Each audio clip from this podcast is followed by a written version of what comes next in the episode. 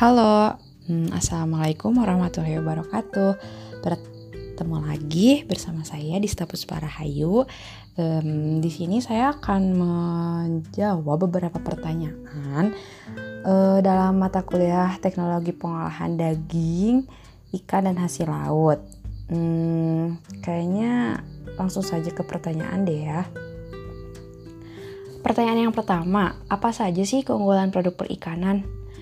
Uh, keunggulan produk perikanan yang pertama uh, Indonesia merupakan negara maritim di mana uh, wilayahnya itu terdiri dari laut-laut yang besar sehingga produk perikanan merupakan produk yang memiliki sumber daya alam yang melimpah. Jadi Indonesia seharusnya tidak perlu takut kehilangan ikan karena wilayah Indonesia merupakan wilayah kelautan. Nah, yang selanjutnya Ikan ini memiliki banyak manfaat. Ikan merupakan sumber protein hewani yang tinggi. Nah, selain protein, ikan juga memiliki asam lemak tak jenuh dan banyak mineral yang sangat bermanfaat bagi tubuh manusia. Selanjutnya, eh, sebutkan kendala, tantangan, peluang industri perikanan di masa pandemi.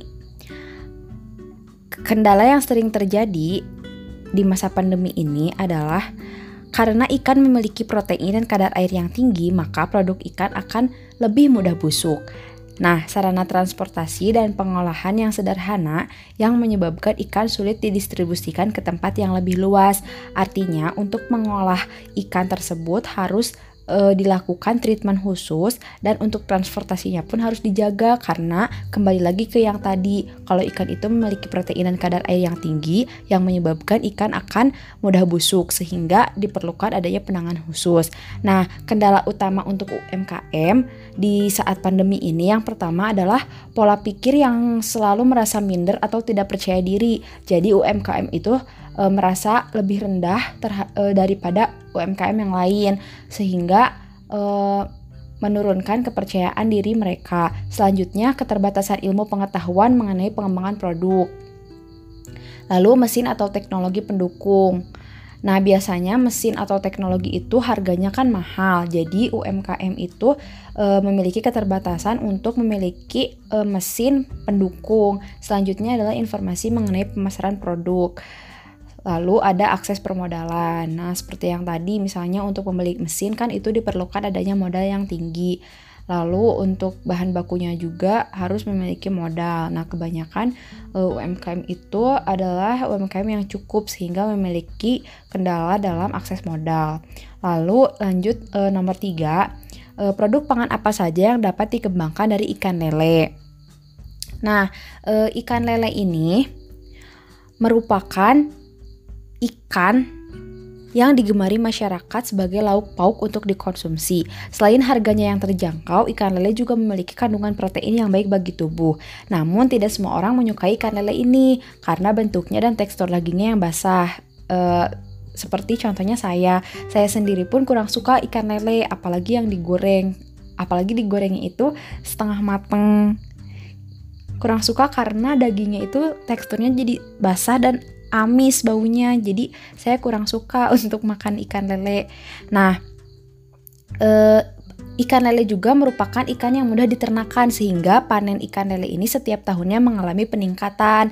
Nah, karena e, panennya yang melimpah, jadi harga jualnya itu turun. Nah, berdasarkan faktor-faktor di atas, maka e, ada pengolahan ikan lele untuk membuat para konsumen lebih banyak mengkonsumsi ikan lele. Dan yang kedua untuk menaikkan harga jualnya. Nah, produk pangan ikan lele yang dilakukan oleh UMKM Alfad ini e, berbasis zero waste atau bagian dari ikan lelenya itu semua digunakan. Nah, produk pangannya tersebut ada abon dari daging ikan lele, ada keripik dari kulit ikan lele, ada keripik dari sirip ikan lele, ada kerupuk dari ikan lele, dendeng ikan lele, pastel ikan lele, stik duri ikan lele, stik daging lele, bakso lele, nugget lele, gelatin lele, sosis lele, otak-otak lele, dan lele crunch tanpa duri.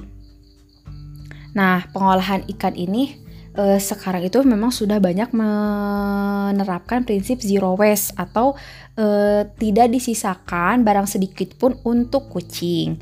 Pengolahan yang bagus bukan? Nah, selanjutnya ada bagaimana kaitan SDGs eh bagaimana kaitan SD, SDGs dengan industri pengolahan hasil perikanan.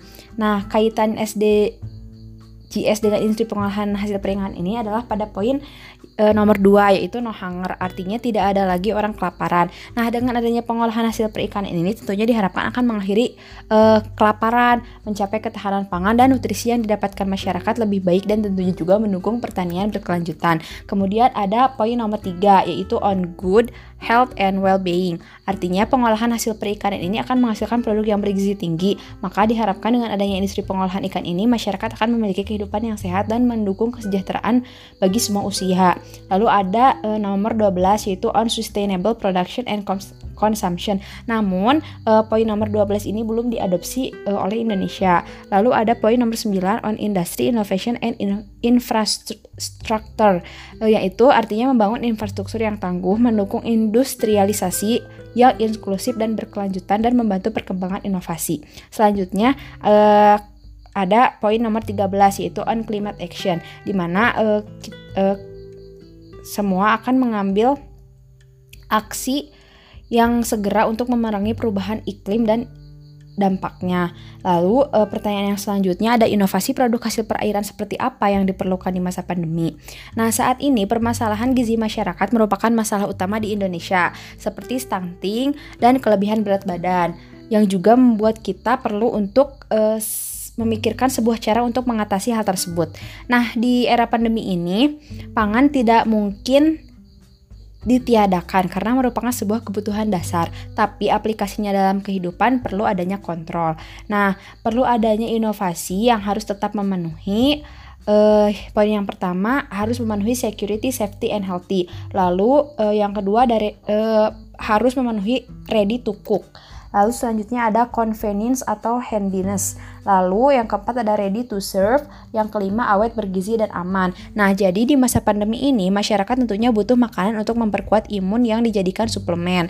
Nah, pangan fungsional e, banyak dipilih, lalu banyak pula dikembangkan sebagai inovasi yang akan e, banyak dipilih oleh masyarakat karena manfaatnya tersebut yang dapat meningkatkan imun e, bagi tubuh masyarakat itu sendiri. Nah, contohnya ada contohnya saja ada beras pencacah diabetes, lalu ada anti kanker dari keong mata merah, ada infus kolagen dari kuda laut, ada mikroalga, spirulina snack, yogurt spirulina sebagai prebiotik, probiotik.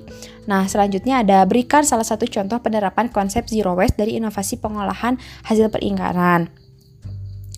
Nah, eh Tren industri pengolahan hasil perikanan di masa Oh, bagaimana tren industri pengolahan hasil perikanan di masa mendatang? Nah, saat ini tentunya konsep zero waste sangat populer seperti yang viral di platform TikTok. Wen Pamungkas said kalau makan mungkin gak bisa sampai ke tulang-tulangnya, tapi kalau ikan bisa kita olah sampai ke tulang-tulangnya. Nah, jadi eh, berdasarkan kalimat tersebut eh, pengolahan zero waste itu memang sudah harus sangat diterapkan oleh masyarakat kita. Nah, contohnya saja seperti pada pengolahan ikan tuna dan ikan cakalang berikut. Nah, pengolahan hasil perikanan di masa mendatang akan sangat baik, di mana e, contohnya saja kita ambil meat analog dari ikan tuna yang akan banyak dipilih masyarakat vegetarian e, di mana kita ketahui bahwa e, lemak dari daging ikan ini e, lebih rendah dibandingkan dengan daging merah seperti sapi, kambing atau domba. Nah, e, akan banyak dipilih karena saat ini masyarakat memiliki prinsip untuk hidup sehat.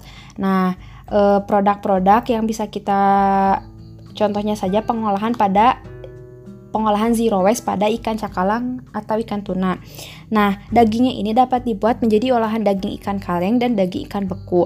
Lalu kepala ikannya ini dapat dimanfaatkan e, zat yang ada di dalamnya itu seperti asam hyaluronat, kontrotein sulfat, minyak ikan yang bisa digunakan e, untuk obat-obatan farmasetika, kosmetik, biomaterial dan nutrasetika. Kemudian dari hati ikannya ini kan hati ikan itu memiliki banyak kandungan minyak ikan, VFO, squalene yang bisa digunakan untuk berbagai macam e, dalam bidang seperti obat-obatan, kosmetik dan juga pertanian. Nah, Jeroannya ini bisa dimanfaatkan juga untuk pembuatan gelatin. Lalu kulitnya bisa dijadikan untuk tepung ikan dan pupuk. Kemudian eh, yang terakhir ada tulangnya atau durinya yang dapat dimanfaatkan sebagai kandungan kalsium dan mineral mikronya untuk bidang obat-obatan. Nah, sekian pengetahuan yang bisa saya bagikan eh, mengenai tren ikan di masa kini dan manfaatnya, lalu cara pengolahan yang berbasis uh, zero waste yang bisa kita terapkan di kehidupan kita sehari-hari. Uh, terima kasih, semoga bermanfaat untuk saya khususnya dan untuk kita semua. Wassalamualaikum warahmatullahi wabarakatuh.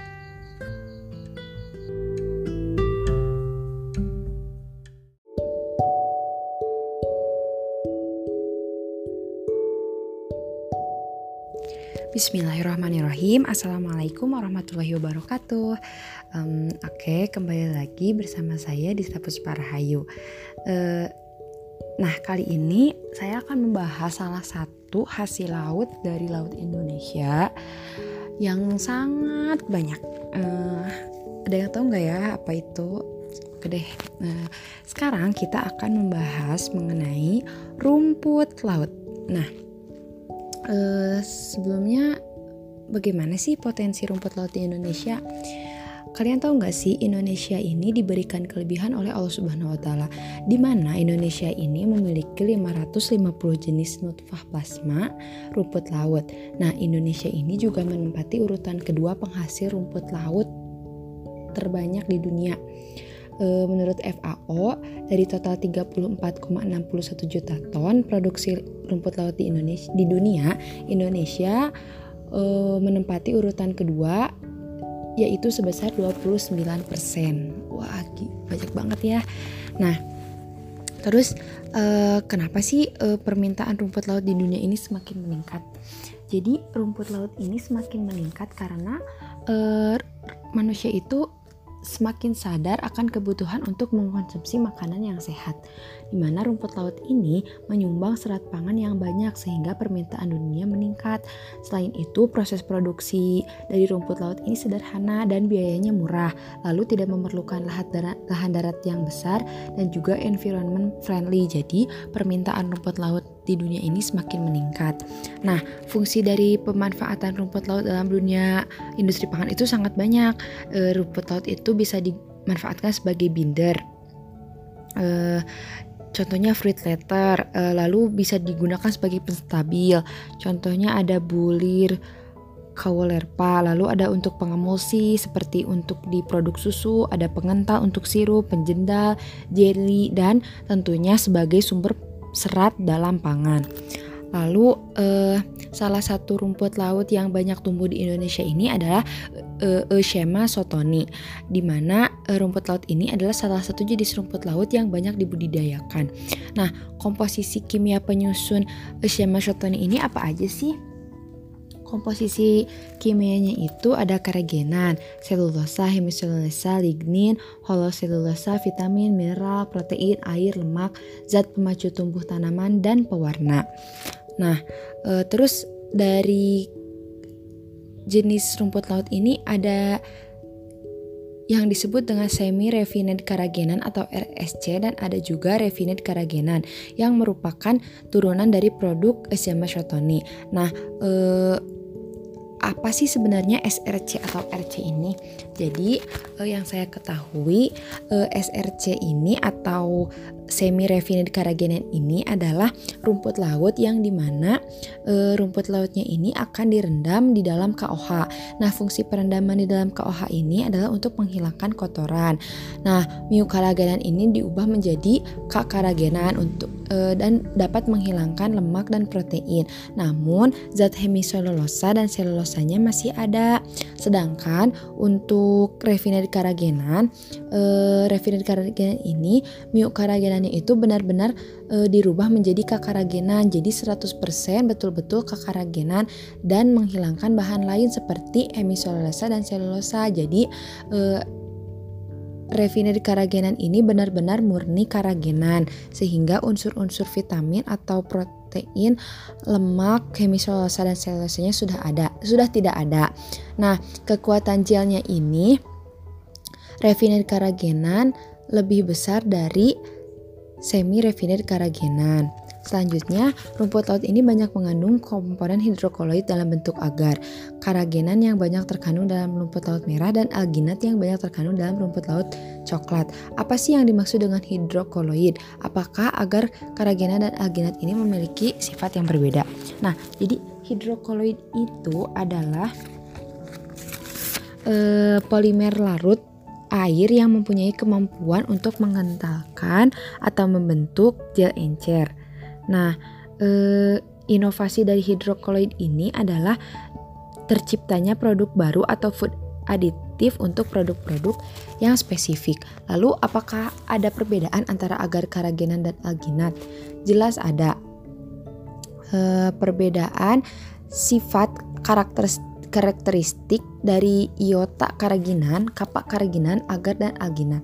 Di mana e, iota karaginan ini memiliki kekuatan gel yang lemah, kekentalan yang tinggi, sinergi dengan gum Arab, e, larut dalam air panas, lebih dari 60 derajat Celcius, reaktif terhadap minyak dan protein. Sedangkan kapak karagenan ini memiliki kekuatan gel yang tinggi, sedikit elastis, gelnya agak kaku, sineresis tinggi, sinergi dengan konjak larut dalam air panas sama di 60 derajat Celcius dan reaktif terhadap protein.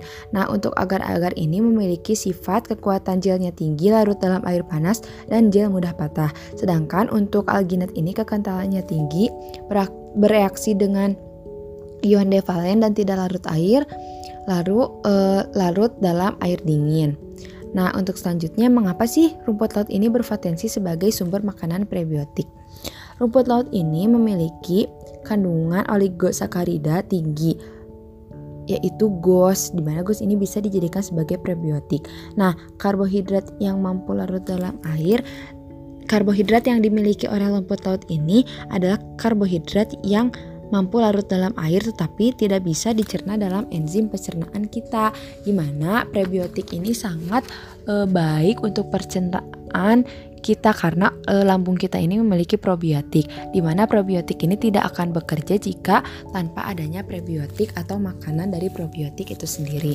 Nah, e, inovasi dari rumput laut ini sudah sangat banyak dikembangkan. Salah satu inovasi yang bisa digunakan untuk e, dimanfaatkan dalam keseharian ini adalah e, seaweed straw atau e, sedotan dari rumput laut di mana sedotan ini bersifat biodegradable. Nah, uh, apa saja sih keunggulannya? Keunggulannya itu uh, sedotan ini mudah terurai, jadi aman uh, jika dibuang di lingkungan karena sifatnya yang mudah terurai. Nah, jika untuk di laut juga aman dibuang, jadi tidak akan mengganggu ekosistem laut.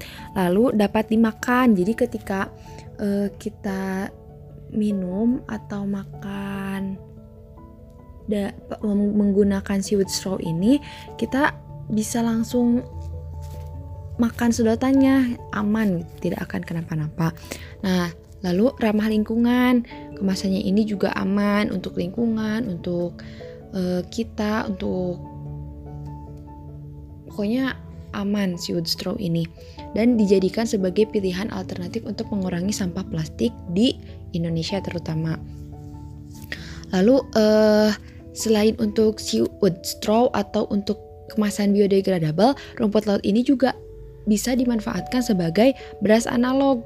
Nah, kenapa sih kita harus membuat beras analog?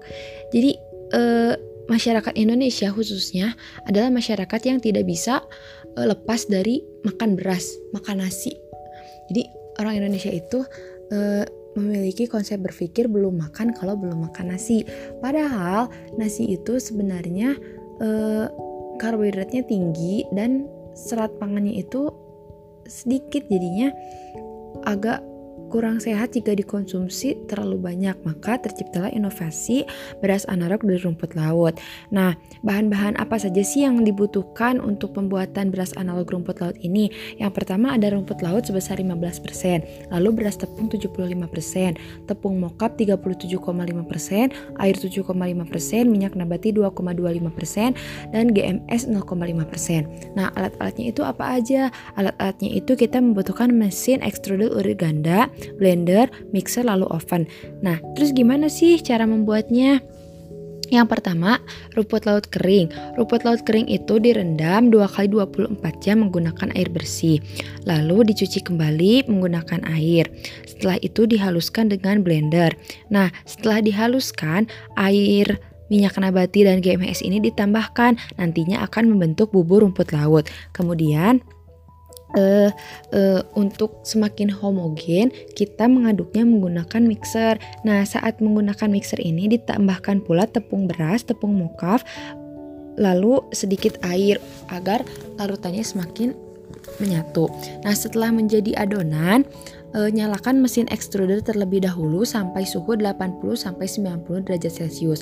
Lalu masukkan adonannya sedikit demi sedikit. Nah, nantinya akan keluar bulir-bulir yang menyerupai beras. Setelah bulir-bulir keluar dari mesin extruder, bulir-bulir dikeringkan dalam oven uh, pada suhu 65 sampai 70 derajat Celcius selama 3 jam.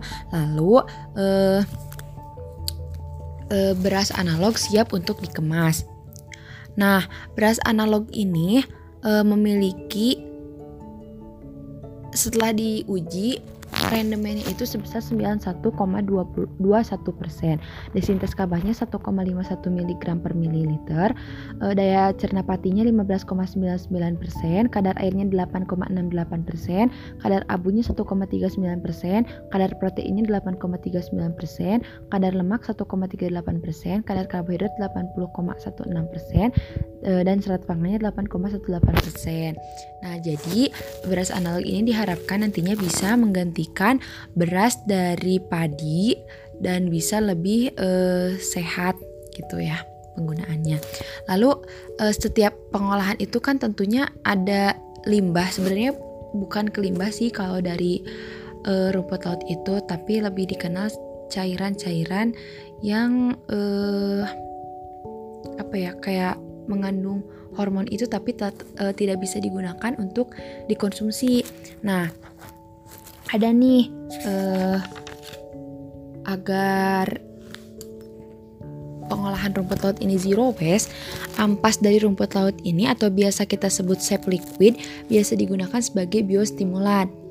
Nah, biostimulan ini adalah zat pemacu tumbuh di mana cairan yang ada di dalam rumput laut mengandung ZPT seperti auksin, giberelin, sitokinin, kinetin, dan sitokinin zetin yang merupakan sekumpulan senyawa organik non-hara yang aktif dalam jumlah kecil.